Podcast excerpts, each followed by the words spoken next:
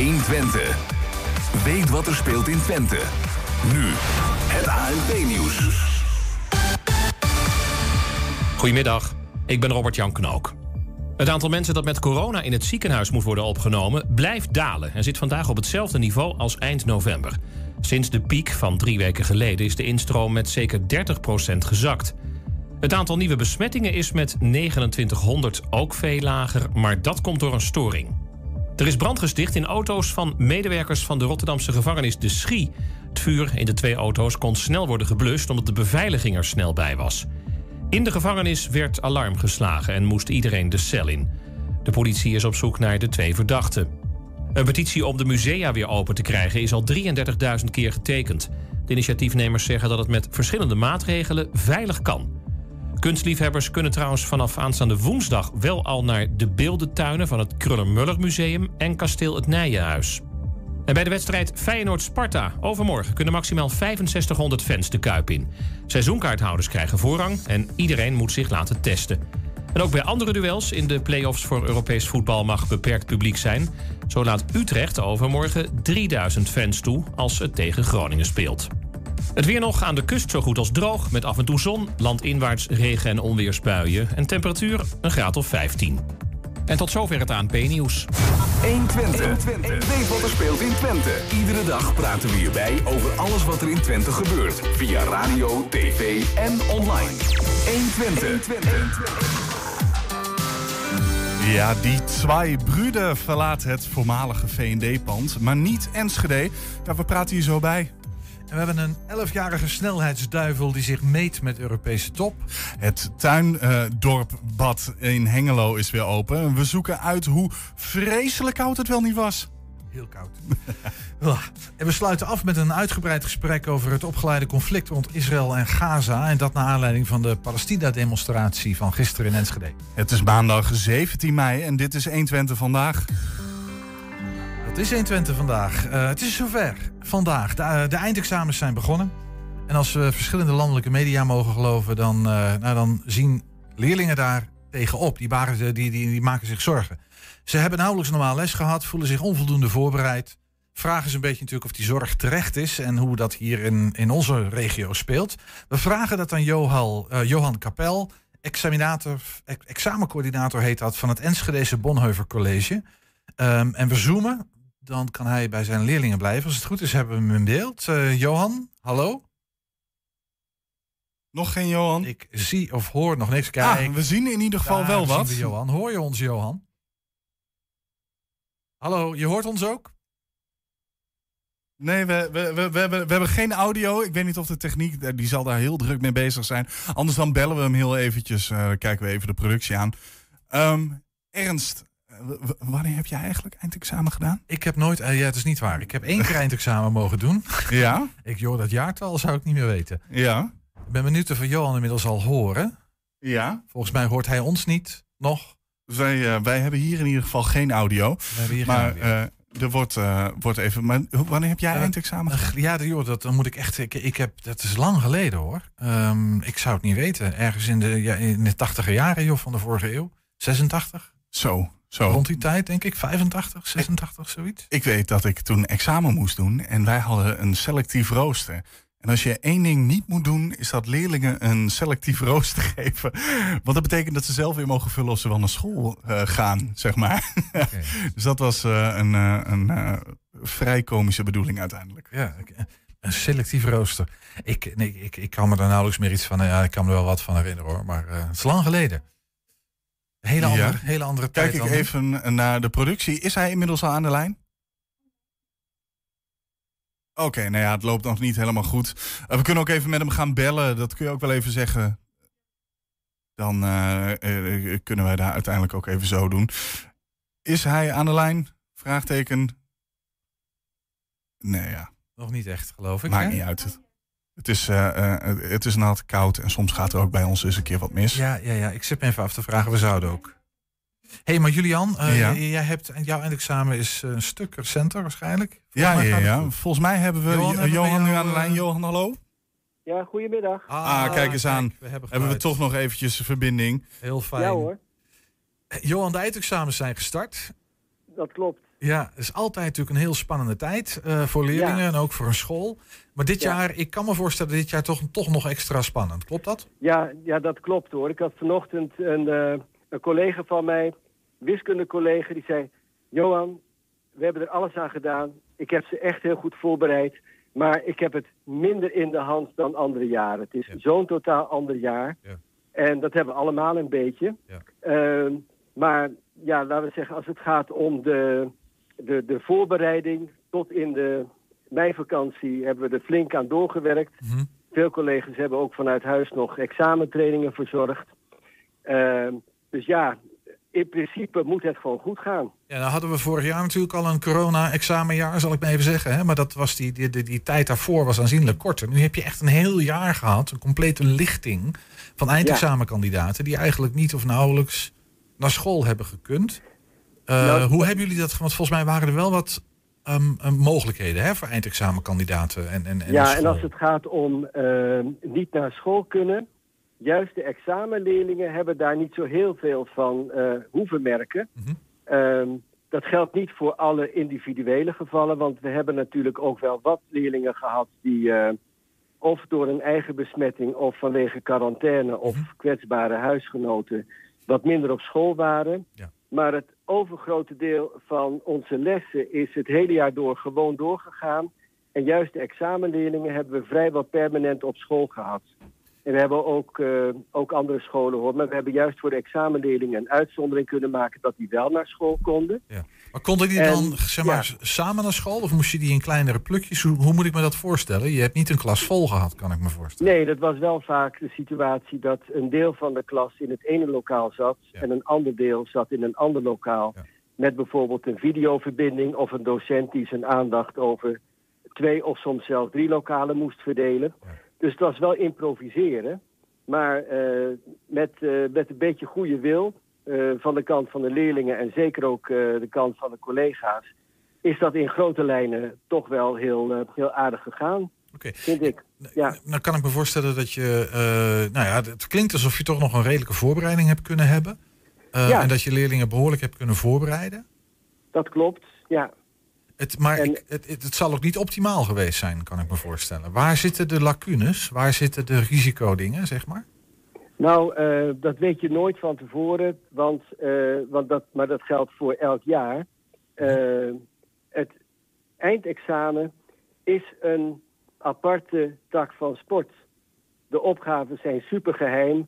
Die maken wij ook zelf op het allerlaatste moment onder toezicht oog van de leerlingen maken we die pas open. Mhm. En dan weet je wat er wordt gevraagd. Maar als je ervaren bent en weet welke kant het op gaat, kun je leerlingen wel heel goed voorbereiden en trainen op wat het examen moet bieden. Ja. Ehm, en ja, dat hebben we ook gedaan eigenlijk zoals we dat ook in andere jaren altijd deden. En daar komt dan dit jaar bij dat we van de minister wel wat speelruimte hebben gekregen, om het zo maar eens te zeggen. Want eh, leerlingen mogen dus een extra vak herkansen als dat nodig is, straks in juni of zelfs in juli. En eh, als het geen kernvak betreft, dus geen eh, Nederlands, Engels of wiskunde, Mhm. mogen ze zelfs een ernstige onvoldoende ook nog eh, wegstrepen.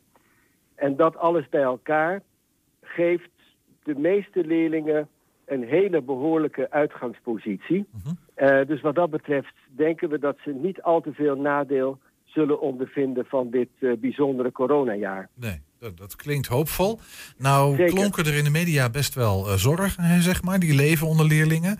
Hoor Ja. ik jou een klein beetje zeggen van ja, ik begrijp die zorgen wel, maar ze zijn waarschijnlijk niet helemaal terecht? Of, of, of ehm, ligt dat genuanceerder? Begrijp je de zorgen van die leerlingen? Ik begrijp de zorgen van de leerlingen heel goed. Eh, want eh, behalve dan dat school, hoewel wij niet ontevreden zijn over hoe het uiteindelijk gegaan is, natuurlijk toch een uitdaging was, eh, is het ook zo dat bij heel veel kinderen ook speelt dat hun hele leven natuurlijk in het teken van corona heeft gestaan. Ze hebben ook hun zorgen gehad om hun ouders, Mhm. over grootouders. eh, Ja. Af en toe waren er ook situaties dat eh, docenten vanuit huis les moesten geven. Dus eh, echt, wij verlangen net als iedereen terug naar de tijd dat je op een normale manier je op het examen kunt voorbereiden. Ja. En misschien ook niet onbelangrijk, tussendoor ook nog tijd hebt voor de gezelligheid, waar leerlingen natuurlijk ook ontzettend naar snakken. Ja, ja Dus eh, ik. kijk, normaal gesproken zouden ze een mooi examengalen hebben of nog even een gezellige barbecue met ons. Ja. Dat leidt allemaal af van het examen. En eh, ook aan de, aan de stresskant is het natuurlijk een ander jaar dan anders. Ja, Ja. snap ik. Dus dat zit er meer in, in, in die, nou ja, al die factoren die rondom het leven van jongeren, zeg maar. Het gaat niet alleen maar over het examen waar je zorgen over hebt, maar er zijn veel meer dingen die gespeeld hebben in het Ja, afgelopen jaar. precies. Hey, en En- nou heeft die ja. minister, heeft, eh, nou, ik ga het me even heel plat vertalen, de lat een beetje lager gelegd. Hè? Die wat meer, wat meer mogelijkheden gegeven. Ehm, is, dat, is, dat, is dat wenselijk? Even los van alle begrip die je daarvoor kan hebben. Maar betekent dat niet dat leerlingen die straks misschien wel een eindexamen hebben gehaald, misschien toch niet helemaal het niveau hebben dat je zou wensen? Ik ben daar eerlijk gezegd helemaal niet bang eh, voor. Eh, kijk, we hebben vorig jaar de situatie gehad dat leerlingen helemaal geen eindexamen konden doen. Mhm. En eh, de eerste evaluaties van de leerlingen die vorig jaar examen deden en die dit jaar naar het HBO en het eh, WO, de universiteit, zijn gegaan, Mhm. laten zien dat de meeste leerlingen eh, juist helemaal op schema zijn als het gaat om eh, het punten halen voor een eerste jaar. En dat zou niet het geval zijn Mhm. als er heel veel leerlingen zeg maar tussendoor waren geglipt. Nee. Dus we hebben vorig jaar goede leerlingen afgeleverd voor het vervolgonderwijs. Ja. En dit jaar met een, eindexamen wat nog steeds eh, ja, een, een heel goed eindexamen is. Mhm. Waar verschrikkelijk knappe mensen aan werken om daar een heel zuiver examen van te maken. Zoals de CITO en de commissie voor de examens dat doen. Ja. Weet je gewoon wat het niveau van de leerlingen is. Ja, oké, helder. Nou, ook dat klinkt eh, dan eh, beslist niet eh, somber of negatief, integendeel. Ehm is er toch iets waar je dit jaar toch wel met een soort van bijzondere spanning naar uitkijkt? Iets dat anders is dan andere jaren? Of is de examenspanning voor jou vergelijkbaar met eigenlijk wat het altijd was? Nou, nee, wat wij de leerlingen hebben gevraagd is om ehm, in de meivakantie, behalve heel hard te leren, ook te proberen, ook al werd het om en heen wat losser, om toch ehm, zich tot het uiterste in te spannen om in een soort vrijwillige quarantaine te gaan. Ja. Dus de opluchting was heel erg groot toen iedereen eh, vanochtend aan de start kon verschijnen en we geen afmeldingen hadden van, eh, van besmettingen of Mhm. wat dan ook. Ja, precies. En wat dat betreft eh, ja, is de kop eraf. Mhm. En ja, straks natuurlijk, eh, de dag van de uitslag is voor iedereen spannend. Mhm. In de eerste plaats voor de leerlingen en de ouders, maar natuurlijk ook voor eh, mijn collega's en mij. Ja, want als school doe je ook altijd een beetje Ja. examen. Ja. Maar ik heb geen reden om daar somber over te zijn. Nee. Nou, helder. Hey, nog, nog één vraag, eh, Johan. Dat is misschien, ik kan me voorstellen dat je als school ook een doel stelt. Even los van het feit dat de inspectie ook meekijkt natuurlijk. Wat, wat, wat, wat is nou het doel van Bonheuver? Hoeveel procent moet er straks geslaagd zijn? Kan je Ja, dat zo dat- uitdrukken? Nou, ehm, kijk, in een, in een normaal jaar hebben we voor beide afdelingen altijd ruim 90 procent. Mhm. En dat is waar we dit jaar ook voor gaan. Dus dat En als het hoog in de 90 eindigt, is het helemaal mooi. ja, dan ja. komt er slagroomgebak en taart. Nou, ik wens jullie eh, als schoolleiding en jij als examencoördinator, dat is ook altijd wel een vak apart volgens mij, heel veel succes. Ehm, en eh, we gaan het met belangstelling volgen. Dankjewel. Johan Kapel was dat, eh, examencoördinator van het Bonhoeffer College hier in Enschede. En graag gedaan. Dankjewel. Ja, zometeen zonder rijbewijs scheuren als een malle met een gemotoriseerd monster op vier wielen. En dan bij de top van Europa. En ja, dat dus zometeen. Maar eerst... Yes, afgelopen zondag kwam het nieuws eh, via de Enschedese, of via de Enschede-pagina dat de twee broeder, de twee broeder moet ik zeggen, hè, met omlaut. Ja, ja, ik, ik heb een leraar eh, tegenover me zitten. Dat, die verdwijnt uit het oude VND-pand hier in het centrum, op het Van Heekplein in Enschede. In de studio 120-verslaggever Henk ten Harkel, collega. Hij sprak vanochtend met de director van de twee broeder, meneer Ronald Versluis. Eh, Ja, Henk? gewoon een Venlo. Venlo, ja, Ja. weet ik. De man heeft niks met Duitsland. Nou ja, Venlo is natuurlijk vlak ook een grensgemeente. Dat is waar. Hey, wat, wat is er aan de hand bij die twee broeder? Ehm, ja, na het enthousiaste verhaal van vorig jaar mei, hè, toen, Mhm. eh, Hadden we hem hier in de studio, hadden we in de studio en toen Ja. vertelde hij eh, honderd uit over wat hij allemaal met dat pand zou willen. Ja, en toen kwam corona. Eh, en toen kwam corona. Eh, eigenlijk meteen daarna. Hè, Ja. Eh, toen, toen hadden we er echt last van. Ja. Ehm, ja, en toen bleek dat aan de ene kant ging het in het begin nog niet eens zo heel erg goed. Daar had hij wel last van. Uh, hij vertelde me dat het de afgelopen maanden wel beter ging, overigens. Maar zijn grote probleem was de, uh, het gebouw, het ingewikkelde gebouw, zoals hij mij dat vertelde. Dat wil zeggen, hij heeft, je hebt de begane grond. Nou, iedereen, iedereen kent V&D of... Ja, de begane grond ja, en dan roltrappen naar een aantal verdiepingen naar boven. nog twee verdiepingen naar boven. Mm -hmm. En ja, dat vond hij een probleem, omdat hij op die tweede verdieping graag een horecagelegenheid zag. En op de derde verdieping iets van een outlet, fietsen, wasmachines, dat soort dingen. En hij vertelde me vanmorgen, ja, er moest dan het een en ander aan looproutes en afrekenmogelijkheden uh, geschapen worden op die verdiepingen. En, en misschien ook wel bij hem in de, uh, op de benedenverdieping. En er moest nogal wat verbouwd worden mm -hmm. daarvoor. Ja. En de verhuurders van het pand, die, ja, die vonden dat niks. Die wilde die, dat niet. Ja, die wilden dat niet. Eigenlijk kwamen ze niet tot overeenstemming daarover. Oké, okay, dus de, gedoe rond de verbouwing. Eigenlijk speelde dat een belangrijkere rol dan, dan corona en tegenvallende ja, hij, hij zegt van wel. Ja, okay. uh, goed, maar, maar, maar aan de andere kant zegt hij natuurlijk ook van... Nou ja, corona heeft er niet toe geleid dat je nou heel erg veel um, um, traffic kreeg nee, in de stad. Nee. Want uh, hij, heeft het niet, hij heeft het gedaan omdat Enschede grensgemeente was. Hij was een supermarkt. Dus hij, hij is was gewoon, een supermarkt. Net als de andere supermarkten is ja, hij wel Venlo altijd ook, open hè. Een enorme ja. supermarkt in Venlo. Ja. Ook midden in de stad. Enschede ook midden in de stad. In, een, in een groot gebouw. Toen kwam corona. Duitsers bleven weg. Werden zelfs geweerd uit Enschede. En ja, dat maakt natuurlijk dat het zaken doen uh, niet heel erg positief was. Nee, dat kan ik me voorstellen. Daar kan ik me ook iets bij voorstellen. Zeker bij een startend bedrijf. Maar nou had je, ik bedoel, de V&D verkocht ook op al die verdiepingen. Er Ja. waren allerlei betaalsystemen. Ik kan me ook voorstellen dat het niet zo ingewikkeld is. Maar Nou ja, ik heb de tekeningen niet gezien, maar eh, voor hem was het schijnbaar wel ingewikkeld. En voor de verhuurders ook. Ja. En, eh, Dus hij vertrekt uit het oude V&D-pand. hij vertrekt uit het oude VND. Maar hij vertrekt niet uit Enschede. Nou ja, hij vertrekt voorlopig nog wel even uit Enschede. Hè, want Hij heeft nog hij, niks. hij heeft nog niks. Eh, maar wat hij daarbij zei. Nou, misschien moet ik even nog terug naar de manier waarop, het, eh, eh, waarop ook hij ook zei dat, er, dat, dat hij eigenlijk niks meer kon met dat pand. Mhm. Is ook dat op die tweede verdieping, die, die horeca, hij zegt, nou ja, het bloed ligt op straat van de horeca. Ehm, wie gaat er nog investeren in een eh, horecapand? Of wie, gaat er nog, eh, wie wil er nog eh, ge- geld investeren voor een verdieping vol horeca? Dat is op dit moment helemaal niemand. Nee. Dus dat was, al, dat was al haast niet haalbaar of onhaalbaar. Want dat was ook een mede reden om uiteindelijk te zeggen... ja, ik kan niet doen wat ik eigenlijk wil doen in dit pand. Ehm, ja, hij gaat nu weg. 5 juni eh, is de laatste dag dat hij open is. Dus 6 juni is hij leeg. Een soort opheffingsverkoop of pak je er gewoon de boel in containers? dat- en, ja, eh, dat moet hij zelf maar, eh, maar even goed Daar heeft hij niks over gezegd. Nou, ik heb er ook niet naar gevraagd. Nee, omdat ik, ik, dat, ik dacht, eh, ik de koopjesjager als jij. denk, je zult het wel vragen. Het is Maar prima, ja. ja, ja, ja. Ehm, nou ja, en, en, en nou gaat hij... Want hij, hij, hij zei, hij had nog wel een leuke opmerking. Hij zei, eigenlijk zijn voor mij de twee steden die het meest bij mij, bij mijn eh, nering in de buurt zitten. Dat is Venlo en Enschede. Ja. Een fantastisch vestigingsklimaat voor mij. Eh, veel Duitsers. ehm, dus daar moet ik het ook van hebben. Ja.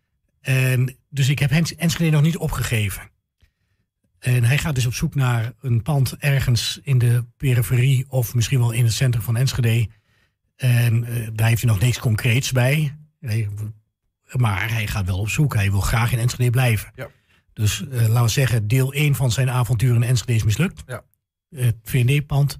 Deel 2 van zijn avontuur moet nog beginnen. ja, en hij heeft nog geen idee waar of wat precies. Nee, en nee, nee. wanneer. Hij heeft, eh, Nee, nee, nee. hij Maar goed, ik kan me voorstellen dat hij wacht totdat het gedoe met corona... in ieder geval die grenzen weer open zijn. eh, Nou ja, dat is de vraag die wij geloof ik vrijdag aan eh June Knots, eh, de, de wethouder, gaan vragen. Ja. Is, is van, goh, na de coronaperiode, als alles weer volledig open is...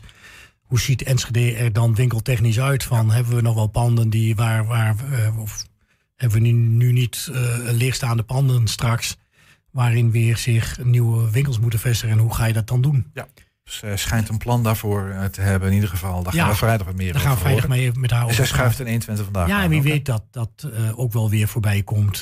die Zwijbruden, dat die, die toch ergens een, nog, nog een, een kans krijgen in Enschede. En ik moet zeggen, hij heeft het ook geprobeerd. Want ik, ik zat nu in één keer te denken aan het oude VND-pand aan de Korte Hengeloze straat. Ja. Eh, daar, Waar? eh, ja, daar, daarvan zei hij van, dat heb ik ook geprobeerd. Want dat vond ik eigenlijk ook een mooi pand om naartoe te gaan. Maar daar is het eigenlijk eh, eh, logistiek haast onmogelijk om dat uh, daar voor elkaar te krijgen. Of niet mogelijk. dus dat, gaat hem ook niet. Dat gaat hem ook niet worden. Nee, dus dat, staat, want dat staat feitelijk ook leeg natuurlijk. Ja, ja. ja. En daar vergaat het nu af en toe de gemeenteraad in coronatijd. dus uh, bij hoogtijdagen als het echt nodig is. Ja. Oké, hey, en maar dat, ik vermoed dat het antwoord op mijn volgende vraag dan ook al gegeven is. Namelijk, dat weten we nog niet. Want wat gaat er dan met het, nieuw, met het VND-pand? Nee, dat, dat hadden we graag even aan de wethouder willen vragen. maar, maar, dat horen we vrijdag. Ja, kijk, hij komt gewoon leeg te staan tot er een nieuwe uh, kandidaat zich aandient. Nou, ik ben benieuwd naar, naar um, Hudson Bay en nu de supermarkt. Hangt er, een, hangt er een vloek op dat pand? Nee hoor. Nee? Nee, nee het is op zich, het is natuurlijk een prachtpand. Het is alleen, uh, ja, je, je vraagt je af van welke grote winkelketens willen daar nog uh, uh, aan de slag met hebt een enorme ruimte. Ja, en, het is misschien iets voor de Bijenkorf, je weet nou het ja, niet. Ja, dat, dat, ja, misschien worden we allemaal wat rijker in Enschede. En komt de Bijenkorf terug, dat kan natuurlijk. um, maar ja, je ziet wel, wat je wel ziet, is, is dat supermarkten, nou, schijnbaar kan dat niet of doet het, het dat niet. Maar misschien andere supermarkten. Uh, je weet maar nooit. Nee. Nou, maar, we zullen maar, afwachten. En, het, uh... Ja, en warenhuizen zijn er eigenlijk ook niet meer die mm -hmm. erin kunnen. Nee. Nee, dat klopt. Het, het, het, de HEMA, nee, het is allemaal wat tanen natuurlijk. Hè. Nou ja, we gaan ja. het afwachten. Er staat een groot leeg pand uh, in, de, in de binnenstad van Enschede nu. Ja, althans 5 juni zeg jij, dan gaat hij ja, vanaf, definitief 5, uit. uh, vanaf 6 juni is die leeg en dan kunnen kandidaten zich weer bij de gemeente melden. Ik denk ben heel benieuwd wat, uh, wat we, of, de, of de, de wethouder ideeën heeft van wat we daarmee zouden kunnen gaan. Misschien ja. heeft ze al wel lijntjes uitlopen. Dankjewel Henk, voor, voor nu in ieder geval okay. even. Ja, straks een terugblik op de Enschede Marathon. Maar eerst dit. Eva Dorrestein stuurt nog maar 2,5 jaar een kart, maar rijdt de meeste jongens al van de baan. Vorig weekend pakte de 11-jarige Hengeloze haar eerste podiumplek tijdens een race om het GK4-kampioenschap in het Limburgse Venray. En ze werd tweede. En Eva is bij ons, uh, maar om een idee te krijgen van Eva's talent en haar doorzettingsvermogen en haar vechtlust, kijken we eerst even naar een video. Lights out. Let's race. Great start into the first corner, and Eva Dotterstein has got straight into the lead. No problems at all for our Mini X30 drivers as they approach the second corner. Several drivers already starting to tuck away with each other in the second and third race. Into turn four, and it's going to be very, very tight as they come off the turn, but it's the PDB of the 951, Eva Dotterstein, who continues to lead the race here, and she is doing an absolutely exceptional job. Eva ja, Dorstein. mooi gesproken dit. Uh. Fantastisch, wat een mooi Engels commentaar. Eva Dorstein, je, bent aan, je zit bij ons aan tafel, hartstikke goed. Mm. hey, deze wedstrijd. Um, in, die, in die wedstrijd werd jij vijfde. Wanneer, wanneer heb je deze precies gereden? Um, ja, die had ik gereden voor mij, denk ik, een maand geleden. Uh, dat was van het EK ook. Dus dit, dit was het EK en hier werd jij... Uh, voor mij werd ik hier vijfde, maar werd vierde omdat degene voor me straf had gekregen. Oké. Okay. Dus, dus uiteindelijk vierde, maar, ja. maar niet omdat je vierde lag. En nou heb jij afgelopen weekend heb jij uh, een tweede plaats gehaald, ook ja. op een EK? Nee, dat was GK4. En wat, wat is GK4? Leg dat Ik heb ja, geen idee, ik zit helemaal niet in de wereld. Je hebt een soort uh, niveau en dan heb je GK4, die staat onderaan. Daarna NK, daarna Benelux, daarna EK en dan BSK. soort van. En GK4 is een soort, um, soort serie die je kan rijden voor beginners. Oké. Okay. Dus in die zin, ben, ja, je, je hoort nog bij de beginners, zal ik maar even zeggen. Maar je gaat hard, want je hebt van een vijfde plaats ben je nu naar een tweede plaats opgeschoven in een maand tijd, zal ik maar even zeggen. En volgens mij heb je iets bij je. Wat, wat, dit zijn de trofeeën die je hebt gehaald? Um, ja, deze is van de. Mag je, mag je wel aan deze, deze camera laten zien die hier staat? In het midden, ja. zie je? Ja. Zo, hé, hey, kijk eens aan. Dat was um, van de Benelux. En bij de Benelux heb je twee dagen. De ene dag is voor de grotere uh, klasses ook. Voor de junioren en senioren. Ik rijd zelf in de Mini Parilla. En um, op de andere dag werd dus die kleinere klasses. Van de Mini Parilla en wat jongere mensen. En van die twee dagen was ik dus de beste meisje van iedereen. En, en als jij nou eens uh, die, die klasses allemaal hebt, kun jij ons een beetje een, een, een indicatie geven hoe hard rij je nou eigenlijk met zo'n kart?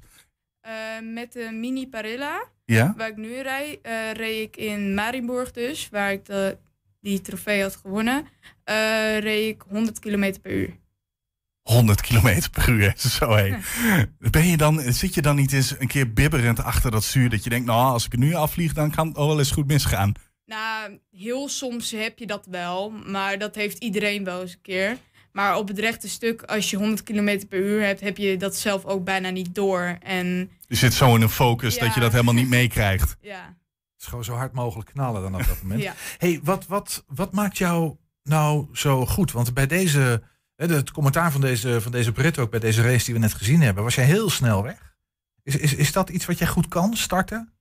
Ehm, nou, je moet het gewoon aanleren. En als je eh, vaak races ook meerijdt, dan kan je ook steeds aanleren hoe je dat gaat doen. Waar En werk jij aan op dit moment? Waar, waar, waar werk je aan? Denkt van, dat, dat moet ik echt, eh, dat, dat, dat moet ik beter, want dan kom ik hoger.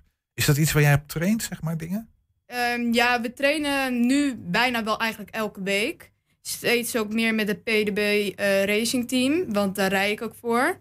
En dan rijden we ook gewoon met mijn teammaatjes ook ehm, steeds veel. En we helpen elkaar ook heel veel. En dat is ook wel heel fijn om dingen uit te zoeken. En heb je dan net als bij voetbal, zeg maar, een coach langs de lijn die zegt van, eh, hey, eh, let even op Eva, je, dit Ja. moet je anders doen, zus anders, geen idee?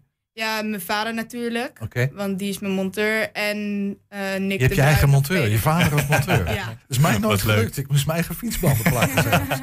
Maar eh, je, je, jij, je traint als het goed is in Oldenzaal, als ik het goed heb, of niet? Ja, daar ben ik begonnen. Daar ben jij begonnen. Ja. Uh, Neem ons eens mee. Hoe, hoe kom je nou eigenlijk eh, eh, op zo'n kartbaan terecht? Zag jij de mensen karten en dacht je, dat wil ik ook? Nou, Het was meer eigenlijk mijn vader kartte vroeger. En we waren op vakantie in Kroatië. En mijn vader wou wel al eens een keer laten zien aan mij wat karten überhaupt was. Want ik wist dat natuurlijk toen niet. En ehm, we zijn toen naar een kartbaan gegaan. En dat was toen ook dus een kinderbaantje. Dus daar ging ik toen ook op rijden. En ik vond dat gelijk superleuk ook. En daarna zijn we na de vakantie ook meerdere keren naar Oldenzaal gegaan. En hoe oud was jij toen? Negen. Ja, dus dat is, nou ja, we hebben het al over, hè, 2,5 jaar geleden Ja. dat, je, dat je echt begonnen bent. Hey, en, en jongens en meisjes, karten die nou tegen elkaar? Zitten die bij elkaar in de, in, in de baan? Ja. Maar worden die dan anders, wel anders beoordeeld? Want je was het snelste meisje, maar dan niet de snelste van allemaal? Nou, ik was het snelste meisje. Het is meer dat het wordt beoordeeld omdat er minder meisjes meedoen. Oké. Dat maakt mij eigenlijk niet uit. Ik vind het wel leuk. Maar Maakt het uit in de, in de, in de, in, in de sport? Want ik kan me voorstellen, ja, het mechaniek is hetzelfde. Het gaat er vooral om hoe je, hoe je dat bedient, zal ik maar even zeggen. Of je nou een meisje of een jongen bent, dat maakt misschien niet zoveel uit, of wel? Nou, je hebt wel eh, speciale series ook voor meisjes. En je valt ook wel zelf een beetje meer op dan de jongens. Want een meisje, ja, dat rijdt niet zo vaak. Het rijden wel wat, maar het rijdt niet zo vaak als jongens. Maar rijden jongens beter dan meisjes of maakt het eigenlijk niks uit? Ligt eraan hoe goed je kan rijden. Ja, precies. Ja, Ja. snap ik. Ja. Maar eh, eh, nu, nu is er natuurlijk ook eh, eh, vaak vanuit het karten. Dan kijk je al snel naar Formule 1, waar ook mensen heel erg uit het karten gaan. Is, is het rijden in zo'n auto eigenlijk ook een beetje een doel voor jou? En dit nu tijdelijk iets? Of wil je echt in die kartwereld blijven? ik wil eigenlijk eerst zo hoog mogelijk, mogelijk eindigen met de kartwereld. En als je bijvoorbeeld, eh, want dat kost ook heel veel geld. En daardoor hebben wij ook sponsoren nodig eigenlijk. Maar ehm, als je daar ehm, wordt gescout voor iets, dan, dan kom je pas verder. Maar dan moet je wel eerst gescout worden, denk ik. Maar ja, dus dat is, nou ja, dat laat je een beetje afwachten. Heb jij een idool? Ehm, nou, niet echt. Het is niet zo dat Max Verstappen bij jou thuis in je slaapkamer in Nee. posters aan de Nee. muur hangt. Ik heb wel mensen waar ik tegenop kijk, zo van wauw, hij rijdt goed of zo. Maar niet per se één iemand waar ik idool van moet zijn. En misschien nog, eh, ik vroeg me ook af hoe jij dat nou met school doet. Want volgens mij is het regelmatig toernooi in het buitenland. Dan moet je weg en reizen met de hele club. Eh, heb je daar een speciale regeling voor? Hoe doe je dat? Ja, ik mag wel vrij hebben voor NK's en hogere. Mhm. Ehm, maar ik heb ook met school afgesproken, ik maak ook gewoon huiswerk daar. Want ik- anders mis ik, eh, mis ik wel heel veel m- lessen. Dat snap ik. Maar dat komt wel goed. Hey, en wat voor grote wedstrijden staan er op het, eh, op het programma binnenkort? Ehm, nou, we hebben nog wel een paar Benelux-wedstrijden. En ik denk dat we NK's ook nog gaan rijden. Ik rij ook nog in een ehm, andere klasse. Dat is eh viertakt. Die gaat wat langzamer. Die gaat volgens mij tot en met 90 km per uur. En daar zit ik ook wel redelijk hoog. En die wedstrijden van de NK's gaan meedoen. En volgens mij, we wouden in de zomervakantie nog naar Italië gaan om een EK daar te rijden. Ja, ik wil, wil ook naar Italië. Maar niet, karten. Maar de, de- jij hebt twee karts dus in je garage staan. Waar, waar de meeste kinderen gewoon een- al blij zijn met één fiets. heb jij twee van die dingen? Moet ik me dat voorstellen? Heb je die gewoon thuis? Ja. Of waar- Die hebben thuis gewoon in de garage staan Ja, eigenlijk. precies. En je Ja. vader sleutelt haar aan en die eh, zorgt ervoor dat ze optimaal zijn. ja, Dat is cool hoor. Hartstikke leuk. Ehm, nee, het ja, is... ik zag, ik zag, dat was hem. Ik zag nog, nog een, een trofee hier staan. Dat is een ander ding. Wat is dat? Oh, ehm, die had ik. Wacht, ik pak hem even Ja, bij. laat me je. even zien aan de, aan de, aan de kijkers, Deze? camera's. Die had ik eh, gewonnen in Assen. Dat was in de regen. En ik vind regen nog meestal wel moeilijk. Want droog is wel meer mijn ding. Want daar heb ik wel ook meer vertrouwen erin. Regen, daar werken we ook wel steeds meer aan. Ik krijg er ook wel steeds meer vertrouwen in. En we hopen dat dat ook beter gaat. Maar die had ik gewonnen met dus die viertakt ehm, in Assen. En ik zie al TT-assen, dus dat is op dat beroemde TT-circuit van ja, Assen, daarnaast zit nog zo'n kartbaantje. Ik zag net dat je je moeder hebt meegenomen volgens mij. Die stond al een fotootje te maken hier zo in de deuropening. Ja. Maar, eh, maakt hij zich nooit zorgen? Nou, soms wel. maar we doen karten ook met... He- hevig knikkend ja staat ze trouwens hier in de Ja. hal te wachten. maar eh, maar eh, heb, jij, heb jij nooit eens dat je ouders ook wel eens denken van... Oeh, als dat maar goed gaat Eva. Mm, heel soms. Maar ze hebben wel vertrouwen erin dat ik het wel kan. En dat komt ook wel goed eind- uiteindelijk. Mooi. Eva Dorrestein was dat. eh, heldin vier wielen uit Hengelo. We gaan van je horen, denk ik. Dankjewel, Eva. Ja, En heel veel succes. ja dankjewel. Ja, zometeen een goed gesprek met twee vertegenwoordigers. Ja, zo voelen zij zich in ieder geval van groepen die op dit moment lijnrecht tegenover elkaar staan. In Israël slash Palestina. Maar eerst... Eerst Hengelo. Ehm, sinds enkele jaren staan er beren op de markt in Hengelo. Maar beren vind je ook in Tuindorp. IJsberen dan eh, wel te verstaan. Die zwommen daar tot corona kwam regelmatig in het Tuindorp bad. In groepsverband, ongeacht de temperaturen. Nou, zaterdag eh, kon het weer. Annie Doornbos, voorzitter van het Tuindorp bad en ook IJsbeer, trok de eerste baantjes. En we hebben haar aan de lijn als het goed is. Annie, goedemiddag. Goedemiddag. Zeg, zijn dat kleine Wim Hofjes daar, ijsmannen in Tuindorp? Ja, nou, het lijkt er soms wel een beetje op. En zeker deze eerste dagen, dan is het echt... eh, het water was 14 graden, de buitentemperatuur 13. Dus dan, eh, dat was eh, afzien eigenlijk. Ja, of afzien, maar dan mag je in het water. Waarom doet een mens zichzelf zoiets aan, joh? Ja, ik zeg altijd, het zal wel ergens goed voor zijn, want anders zijn we niet helemaal goed. Bij ons hoofd. Ja, dus dat is natuurlijk, als het niet eh, ergens goed voor is, dan... ik denk dat we dan iets doen wat niet moet. Maar nee, volgens mij, ja, ik weet niet. Het is gewoon een kick ook, denk ik. Een kick. Het een kick. En hoe, hoe, vaak, hoe vaak doen jullie dat? Elke dag, als het goed is. Gewoon elke dag en dan ochtends vroeg, moet ik me erbij voorstellen? om tien uur, nee, om tien uur. Het bad is geopend van tien tot half twaalf, elke dag, ongeacht het weer en de weersomstandigheden. Als het weer het warmer wordt en het weer eh, wordt beter en de temperatuur van het water komt op 18 graden, Mhm. dan is het ook smiddags vanaf een uur of twee half drie open. Ja, dat staat op de site allemaal, ja. Ja, precies. Hey, en hoe groot is die ijsberenfamilie van jullie? Maar die familie. Ja, ijsberenfamilie, nou, mooi. de 30, 40 of zo. Ja, dat klinkt wel mooi, familie trouwens. Ja, ja. inderdaad.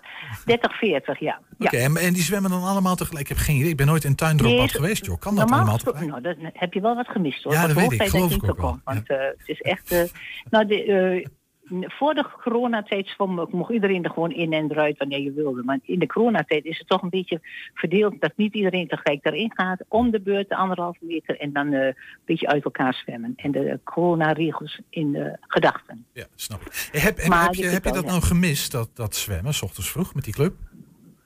Ja, wie wat is, eh, de zomer dan, ik zeg het, is, het lijkt wel een beetje dwangarbeid soms. Hè? Want je moet gewoon elke dag, weer of geen weer, je gaat er gewoon heen. Als je niet, als je niet kunt, dan kun je niet. Maar als je wel kunt, dan ben je wel wiebelig dat je moet gaan. Ja?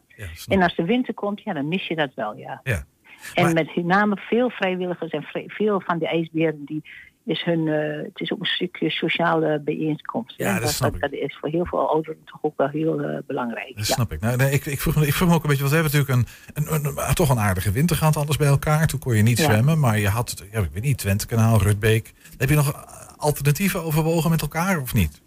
Nee, er zijn wel wat, wat mensen die dat wel gedaan hebben, dat weet ik, ja. En ik had ook wel, ik dacht ook, misschien moet ik het een keer doen, maar dat heb ik niet. Ik vind dat te ver weg. Tuindorp is binnen mijn eh, handbereik, zou ik maar zeggen. Ja, want waar woon je zelf? En de, wat zeg je? Waar woon je zelf? Ook in Hengelo, aan de Boekelosweg. Ja, precies. Dus lekker Ja. in de buurt. Ja, en, en nou is het zwembad weer open, maar niet alleen voor de ijsberen, maar in principe voor iedereen, toch? Ja, dus, ja iedereen, kan, iedereen kan terecht. Ja. En hoe, hoe, hoe moeten mensen dat doen? Die zeggen mensen, ik, ik wil, wil eigenlijk ook wel eh, wat baantjes trekken. Je, je Ja, kan niet gewoon eh, zomaar... naar de kassa en je betaalt de entree voor volwassenen is 3,50 en kinderen 2,50. Oké. Of je koopt een abonnement of een tubadekaart. Dat kan allemaal. Je iedereen-. Maar je Ja. kan gewoon je aan de kassa melden of moet je nog opgeven? Zijn er nog tijdslots? Of, eh, Nou, is natuurlijk goed zich ontwikkeld. Met de corona vorig jaar hadden we wel een tijdslot. En dan Mhm. mochten er 50 mensen tegelijk in. En dan was het weer eh, even wachten. En dan riepen we om van wil degene die in, in het eerste erin gegaan zijn er weer uitgaan. En dat loopt eigenlijk heel soepel. Wat dat betreft zeg je familie. Het is ook een hele groep die erg veel rekening houdt met elkaar steeds. Je bent eh, eigenlijk samen runnen we dat bad. En ook het genot ervan samen. Ja, precies. Het is echt een collectief... eh, ja, dus dus ja. dat, het beeld van die ijsberenfamilie is zo gek nog niet, begrijp ik. Nee, nee, Nee. nee, nee. inderdaad. Nee, dat klopt, ja. Ja, en er is ook een onderhoudsploeg. Dat, is ook, dat zijn, in de winter zijn dat mannen die komen één keer per week bij elkaar. Hoewel dat met deze winter met de corona dus niet door kon gaan. Dat is ook jammer. Maar die mannen van de onderhoudsploeg, dat zijn er ook al 10 tot 20, denk ik. En die onderhouden het bad. En alles wat gedaan moet worden, er zit wat elektriciteit. Van alles doen ze. Alles wat voorhanden ligt aan technisch of eh, onderhoud, dat gebeurt door de heer. Klinkt heel gezellig, Annie. Dankjewel Heel voor mooi. je, voor je toelichting. ehm, Ja, eventjes. ik wil nog wel eerder even zeggen Ja? dat eh, het nieuws eh, wat we gedaan hebben, is het instellen van de abonnementen via internet. Dus het digitaal abonnement aan, afsluiten. Dat is goed gelukt. En dat is eigenlijk de compliment Mooi. die ik toch wil geven aan Janine en Ruud, die dat zo mooi geregeld hebben. Hartstikke Ja? goed. Janine en Ruud, eh, dank jullie wel voor dat regelen. Ehm, Ja. Annie Doornbos was dat. Bedankt voor je verhaal. Ja, oké. En eh, jullie succes ermee, hè? Dank je wel. Dank u, dag. Ja. Ja, we praten zo met Ines Reactie en eh Rachel Denneboom over het opgeleide conflict in eh, Israël. Maar eerst... ja, toch nog een beetje Enschede-marathon dit jaar. Nee, gaat ie! Carolien! We kijken hier naar een eh, vlog die onze eigen Meerte heeft gemaakt. Als Field Lab Run gingen gisteren zo'n 2000 mensen op vliegveld Twente van start... voor een afstand van 5 of 10 kilometer. Ja, om mee te kunnen rennen lieten deelnemers zich vooraf testen op corona. Daardoor hoefden ze geen anderhalf meter te bewaren of een mondkapje te dragen. Ja, vijf dagen na de race, eh, eh, als vrijdag dus, moeten ze opnieuw een test ondergaan. En of het testen nou als drempel wordt gezien of niet, duidelijk is wel dat het hardloop-evenement bij lange na niet vol zat. Er was namelijk plek voor ongeveer 5000 lopers. Ja, hier zie je dus die beelden. eh, eh, toch een, een mooi gezicht om, eh, om eindelijk weer de mensen zo bij elkaar te zien. Er was ook tijd en ruimte voor een biertje na de tijd. De medailles werden veelal op social media teruggevonden. Waarin je hier dus de prachtige pilsjes getapt en geen anderhalf meter kon zien. Leuk dus, dit evenement dat dit weer kon. Ja, want Ernst, jij eh, staat, eh, zit inmiddels hier niet meer in de studio. Dat betekent dat jij ergens anders toe bent gaan. En ik gok dat jij in eh, Studio Balengebouw zit. Ik zit in, de, in, de, in Studio Balengebouw, in de grote studio. Ehm, aan tafel met twee gasten, die ga ik zo meteen jullie voorstellen. Ehm, de oorsprong van het conflict tussen Israël en Hamas, dat in de afgelopen, ja, ja, afgelopen dagen oplaaide, gaat eeuwen terug. Dat is al verder in onze jaartelling. Toch is het, en dat blijkt nog altijd actueel, niet alleen in Israël of Gaza of de westelijke Jordaanoever, maar het verhitte gemoederen in de hele wereld. Zondag vond er in Enschede een pro-Palestina-demonstratie plaats, georganiseerd door Enes Sariaxi, een van onze gasten aan tafel. Raadslid even in rusten, maar straks weer actief. Ehm, aangeschoven is ook Rachel Denneboom, VVV, VVD-raadslid. Ehm, maar ook eh, Joodse Roots. En dat is een beetje waarom ze hier zit. En zij was erbij ook bij die demonstratie. Ze mengde zich in het Twitter-debat. Eh, nou, kreeg de nodige bagger over zich heen. Zoals dat dan gaat tegenwoordig in Medialand uh, soms. Maar ook in Nederland en Enschede. waar eigenlijk geen bom valt, zeg maar. Waar we niet direct de effecten van zo'n conflict voelen.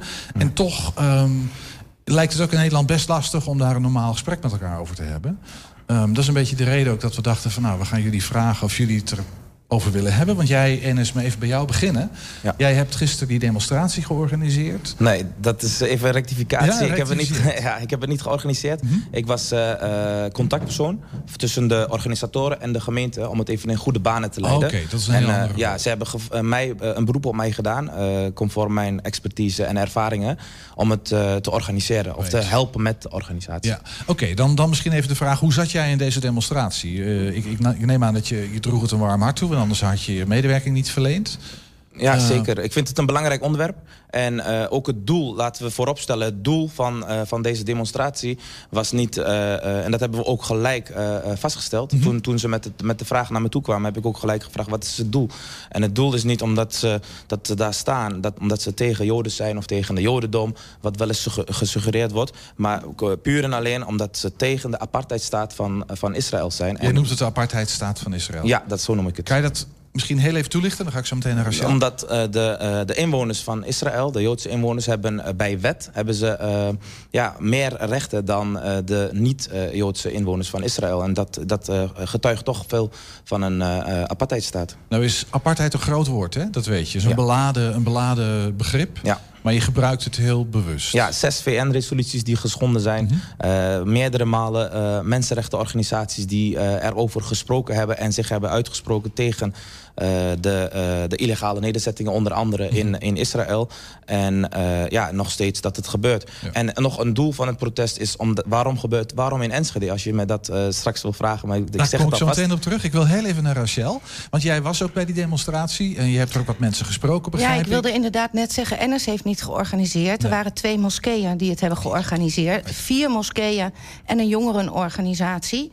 Dus, uh, Dan is dat bij deze recht ja, dat, maar, maar dat is wel direct ook... Voor mij was dat de aanleiding om wel te gaan. Dat ik dacht, hé, hey, dat is gek. Dit is een conflict dat 3205 kilometer, om precies te zijn... verderop uh, Mhm. uh, plaatsvindt. Dat gaat tussen uh, een terroristische organisatie Hamas en Israël. En hier uh, hebben wij Turkse Enschedeërs die met Turkse vlaggen naar een demonstratie gaan. En godzijdank alleen hier nog met Turkse vlaggen. Want in Amsterdam, uh, hebben jullie waarschijnlijk ook gezien... daar hebben we inmiddels uh, ISIS-vlaggen gezien. Terwijl, en, en, en uitlatingen als één kalifaat en alle Joden moeten vermoord worden. Ja, de, je kan mij heel veel zeggen, maar dat is echt puur antisemitisme. Dat, Ja, dat heeft is- niets meer te maken Nee, maar dat is heel met heftig. een conflict. Nee. Hoe erg ook. Snap ik. ik. Ik aarzel een beetje om richting Amsterdam te gaan. Hè? Laten we even, jij bent in Enschede geweest en je hebt daar wat mensen gesproken. Um, en wat, wat, wat zeiden die mensen tegen je? Want, Nou ja, ik heb, uh, ik heb drie dames gesproken, om exact te zijn. Eentje die ging er naartoe. En uh, ik heb haar uiteraard gevraagd van... joh, het, het, u gaat naar die demonstratie. Komt u uit Gaza? Bent u vanuit Gaza naar Enschede verhuisd? Dat kan natuurlijk, hè? Mm -hmm. En uh, toen zei ze, nee, ik kom uit Marokko. En toen zei ik, maar Marokko is een van die Arabische landen gelukkig... die vrede heeft gesloten met Israël. Hebt u dat dan gemist, dat nieuws? En toen zei ze, nee, maar ik ben moslim. En toen dacht ik, dat is een hele rare logica. Dus twee vrouwen nog later, die gingen weg. Toen zei ik, u bent er net geweest. Twee kinderen met hele leuke Palestijnse mutsjes. Zeg ik, komt u uit Gaza? Ze zei, nee, ik kom uit Turkije. Nou, ik stond echt met ver verbazing te kijken. En, en daar zit mijn probleem. Dus ik Kijk, het probleem, hè, en, en, en, en daar zullen we het ongetwijfeld zo over hebben... het conflict tussen Israël en Hamas... Um, dat gaan Ennis en ik niet oplossen. Mhm. Maar ik ben blij dat wij hier aan tafel kunnen zitten... om het hierover te hebben. Hoe kan het dat het feit dat je moslim bent... Mhm. dat je in Enschede woont...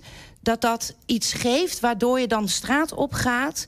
voor een conflict waar je niets mee te maken hebt. Dat vind ik heel bijzonder. ik, eh, ik, dat, dat, ik leg de vraag maar gewoon even, want het was ook wel een vraag die ik had. Ja.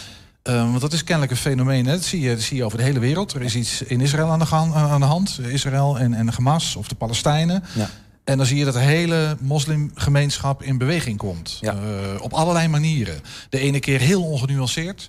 De andere keer wat genuanceerder, maar desondanks. Hè? Ja. Ehm, he- heb jij daar een verklaring voor? Want dat zijn inderdaad allemaal mensen. Ik denk dat is wel een punt, hè, die niet een directe band hebben met dat gebied. Nee, ik denk eh, dat ik eh, daar geen verklaring voor heb. Want het is, het is lastig in te schatten. Maar eh, als het gaat om de pro- het protest in Enschede... dat is ook bewust ook opgezet omdat wij de reactie van minister-president... die vonden wij te nonchalant.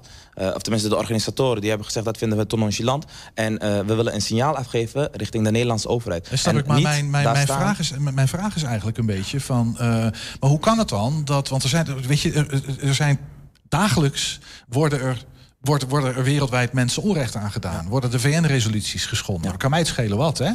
Maar dat leidt niet tot dit soort eh, protesten of dit soort demonstraties. Of de, de, de noodzaak die je voelt om dat geluid te laten horen. Nee, precies. Waarom in dit geval wel? Ja, wellicht niet in Enschede. Maar ik, eh, ik, ik ben er wel van overtuigd dat er op verschillende plaatsen eh, en locaties eh, protesten plaatsvinden over dingen die in de wereld gebeuren. En deze mensen hebben gewoon een, een, een bepaalde band met, met Gaza of met, met Palestina. Wat is die band? Kan je dat, kan is, je dat duiden? nou, dat is dus wat, wat jij ook aangeeft. Het gaat eeuwen terug. En dat is, het gaat vooral, wat, wat er nu gebeurt, dat is, waar het vooral om gaat, is het, is het onrecht wat aangedaan wordt. En waar ik het net over had, en dat heb ik ook bewust gezegd, dat het tegen de apartheidstaat, die de Joodse inwoners van Israël meer eh, rechten geeft dan de eh, moslims in, in, eh Ja, nee, in Palestina. jij- jij- jij noemt, eh, jij noemt de apartheidstaat. Ja, en er waren ook, gisteren waren er ook, en er was ook een spreker die kwam uit Palestina zelf. Die is Mhm. destijds toen gevlucht en die is in, in Enschede terechtgekomen. Een, een jongeman, on- iets jonger dan ik.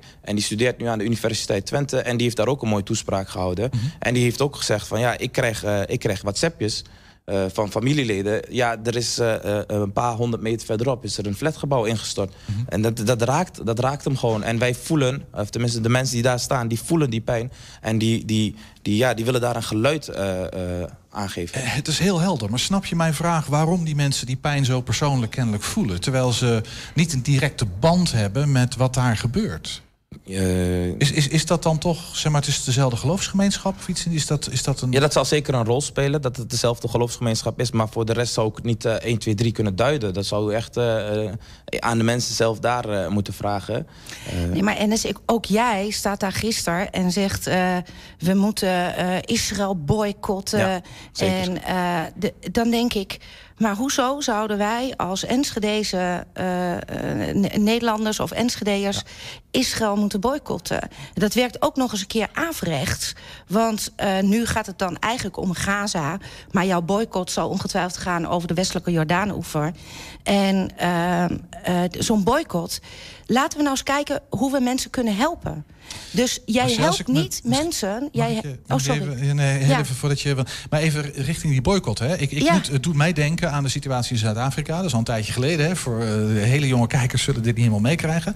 Maar ook daar was onrecht. Eh, ik gebruikte dan, kwam ik net even terug op dat woordje apartheid. Een apartheidsregime.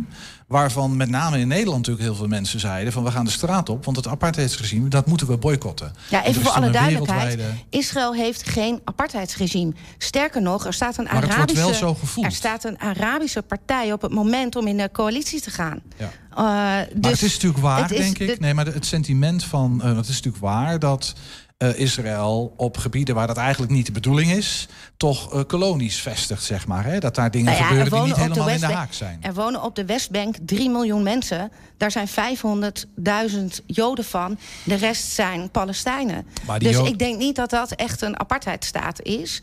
En, en daarnaast, ja, wat ik zeg, in Israël wonen Arabieren.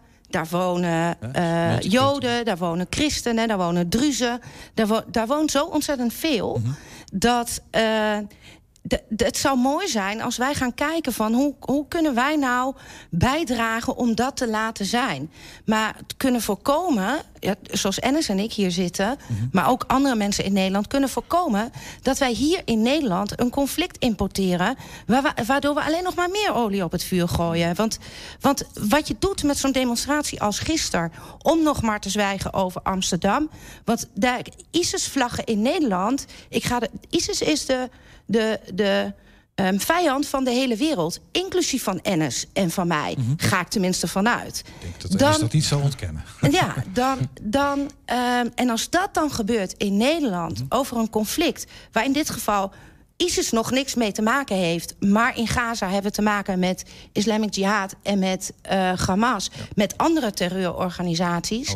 Dan moet je kijken hoe kun je dat oplossen. Ik even naar jou, Ennis, want ik vroeg me af, hè, want jij, jij komt uit de moslimgemeenschap onder andere. Ja.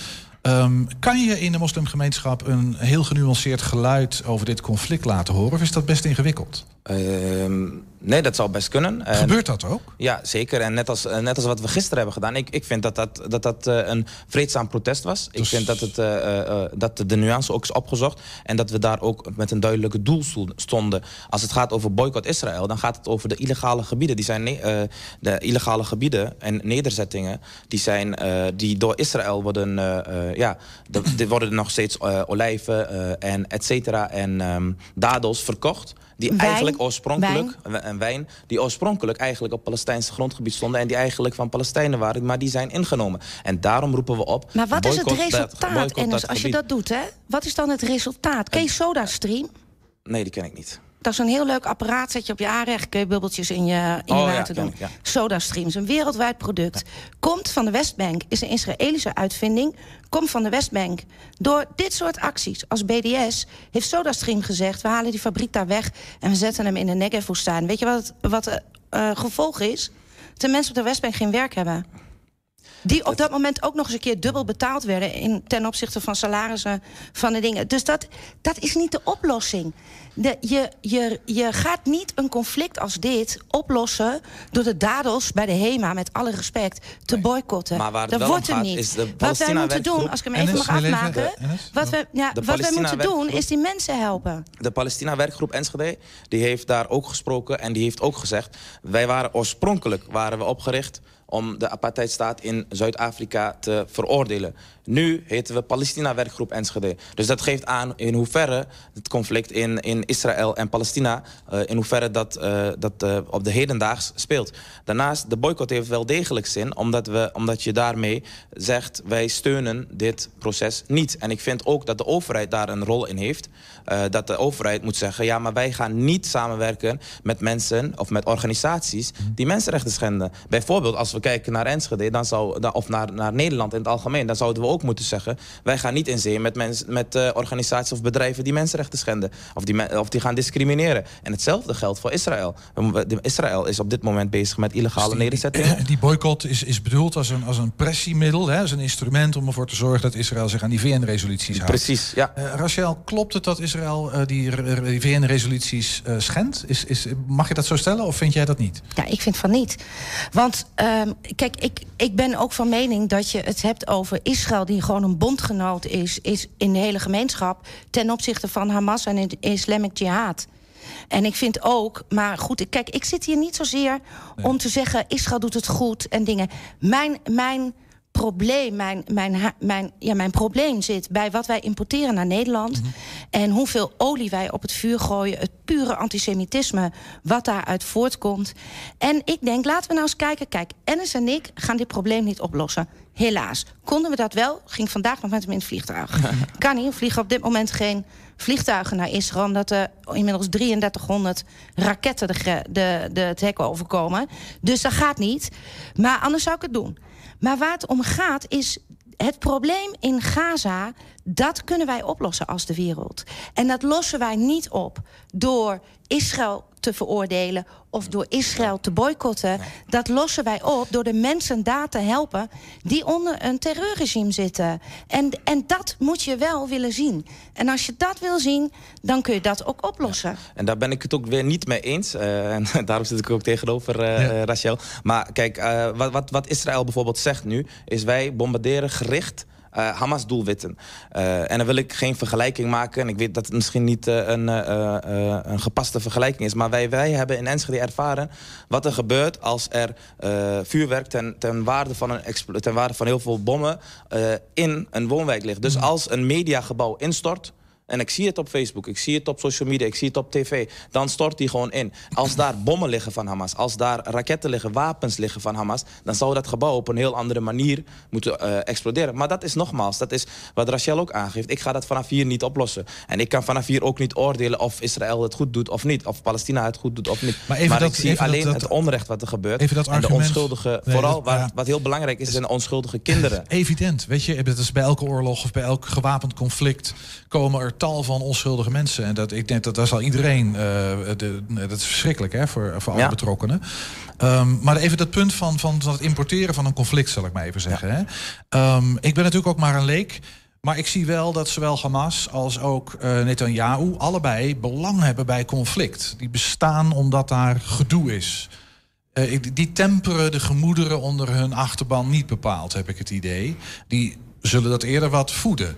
Hè, want ehm, die situatie, op het moment, eh, hoe, hoe, hoe ga je dan, hoe gaan we voorkomen dat, dat je iets vergelijkbaars hier in Enschede of hier in Nederland doet, zeg maar, waarin je bevolkingsgroepen, zeg maar, de sentimenten die er toch al leven, hè, die misschien heel oud zijn of die, die we niet heel goed begrijpen, maar dat we die niet voeden, maar proberen juist die bruggen te slaan. Hoe, hoe, hoe, hoe zie jij dat voor je? Nou, gisteren hebben we dus laten zien eh, tijdens de eh, demonstratie dat, dat dat niet het geval is in Enschede. En dat we, dat, dat we daar ook geen belang bij hebben. En Door duidelijk te zeggen, wij staan hier vandaag omdat wij de Nederlandse overheid een signaal willen afgeven. De Nederlandse regering, Mark Rutte, die in zijn tweet en eh, een beetje te nonchalant is wat ons betreft.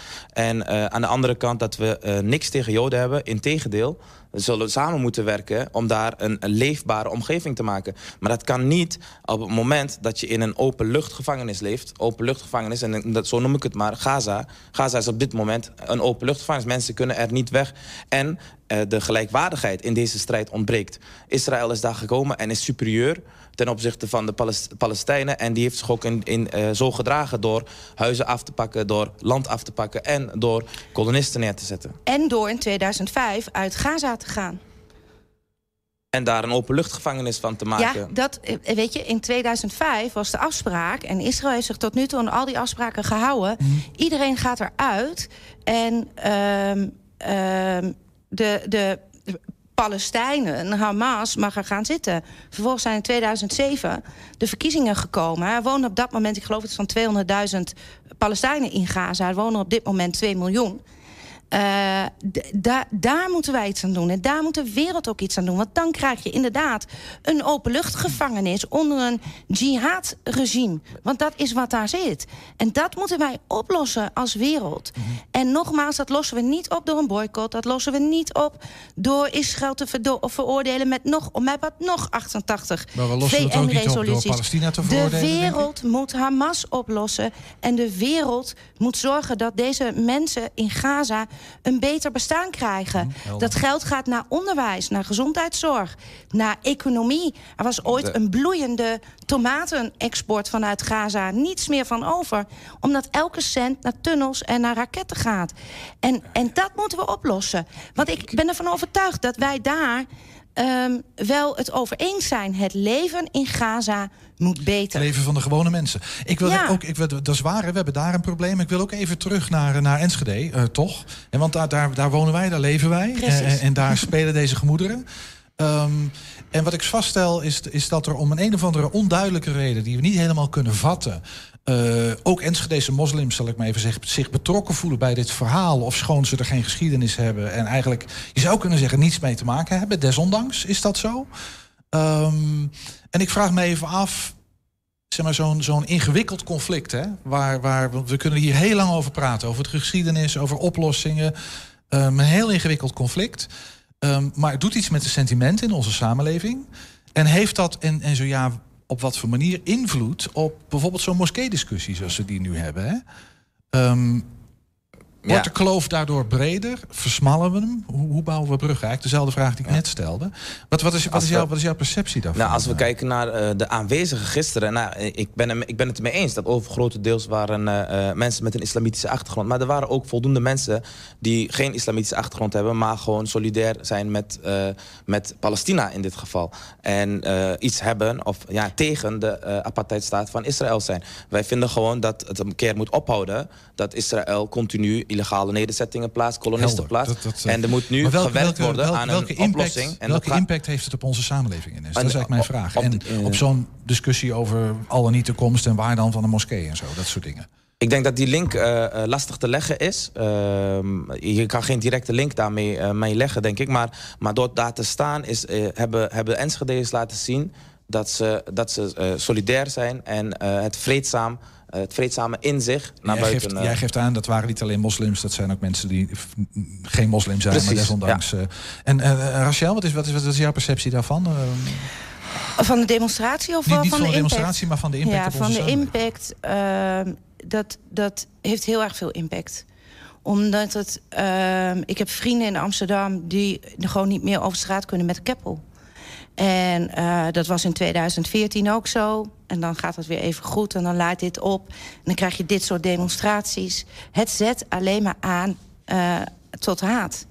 En, en heel eerlijk, ik denk dan... is onze integratie eigenlijk gelukt? Als ik dan kijk. Als ik, als ik gewoon in mijn optiek Enschede'ers vraag van... Hoezo bent u als Turkse Enschede of als Enschedese Turk op een, bij deze demonstratie? Ehm, en ik krijg dan alleen maar, ja, nee, maar ik ben moslim en eh, dingen. Dan denk ik, er gaat iets niet mis. Eh, Er gaat iets niet goed, er gaat iets wel mis. Als ik IS-vlaggen zie in Amsterdam. Als ik zie dat iemand met een regenboogvlag wil meedemonstreren. En dan wordt tegengehouden omdat ze zegt... dat kan je beter niet doen met je regenboogvlag bij deze groepering. Dan denk ik, ja, dan hebben we nog een hele weg te gaan Kortom, in heel, heel veel gevoeligheden. We gaan het gesprek afronden. Ja, we kunnen hier heel lang over praten, maar dat gaan we niet vandaag doen. Althans, misschien wel, maar niet in, tijdens de uitzending. Eh Ines, toch heel even naar jou. Ehm, ik, ik, ik- gewoon even als mens ook, hè, zeg maar. En als, want, eh, nou ja. Eh, wat zou jij tegen Rachel willen zeggen? Eh, tegen Rachel, als, als persoon. Ja, nou, als mens, maar jullie vertegenwoordigen allebei een, een bepaalde bevolkingsgroep. Ja, eh, ik die- vond, ik vond, het, eh, ja, ik vond net eh, een, een goed gesprek, fijn gesprek, eh van allebei de kanten. Alleen ik vind het jammer dat op het laatst, alsnog al, alweer... en ik wil het niet partijpolitiek maken, maar ik vind het jammer dat de VVD... in deze weer de of, eh, integratiekaart trekt. Maar Eh, want dat is juist, even dat is juist, maar snap je juist met die LHBT-vlaggen en met, met die, met die ISIS-vlaggen... snap je dat Rachel dat zegt? Ik los ben- van de vraag of je Ja, eens dan ben ik blij dat we in Enschede zijn. En ik ga over Enschede. Eh, en in Enschede hebben we laten zien aan, aan heel Enschede. En, in, in, eh, aan, eh, in, eh, en het stond ook in Tubantia en in RTVO's... dat het bijvoorbeeld in Utrecht gaat, gaat het mis, maar in Enschede blijft het rustig. En daarom ben ik trots dat we in Enschede in solidariteit... en in vreedzaamheid met elkaar kunnen samenleven. Ja, Rachel, andersom, wat zou jij tegen Nes willen zeggen? Nou, dat ik vind dat. eh, eh, het- dat ik denk dat Ennis daar toch nog wel. Dat klinkt heel mooi, hè, wat hij zegt. eh, maar dat hij daar toch nog een slag te maken heeft. Omdat het. eh, nou ja, de dingen die ik net zei, denk ik. Ja, ik weet niet. En het is niet de integratiekaart trekken. En het, maar het, en want ik zit hier ook helemaal niet als. Ik zit hier gewoon als mens. die net zo goed als Ennis. enorm bezorgd is over wat er in Israël en, eh, gebeurt. En ehm, dus. Ben je bang dat dit ook naar Enschede zou kunnen hebben? Dat de Amsterdamse toestanden ook naar Enschede zouden kunnen? 100%. Dus, en, eh, Ja. wat zou jouw op- Helaas. ja. wat, wat zou jouw oproep zijn naar nou, onze op het moment dat ik eh, merk dat ik mij niet meer veilig ga voelen in mijn eigen stad, bel ik Ennis en dan gaat Ennis mij helpen. Daar ben ik van overtuigd. Zeker. Zeker weten, ja. Lijkt me een heel mooie belofte. Ja. Dank jullie wel voor dit gesprek. Jij bedankt. Ja, bedankt. Allebei. Ja. Ja, met die woorden sluiten wij 120 vandaag af. Terugkijken, dat kan direct via 120.nl.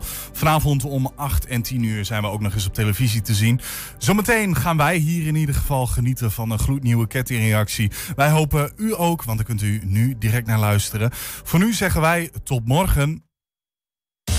Elke week de beste muziek op jouw radio. This is Feel Good Radio. Met Henk Ketting. De kettingreactie. De kettingreactie. Dit is Henk Ketting.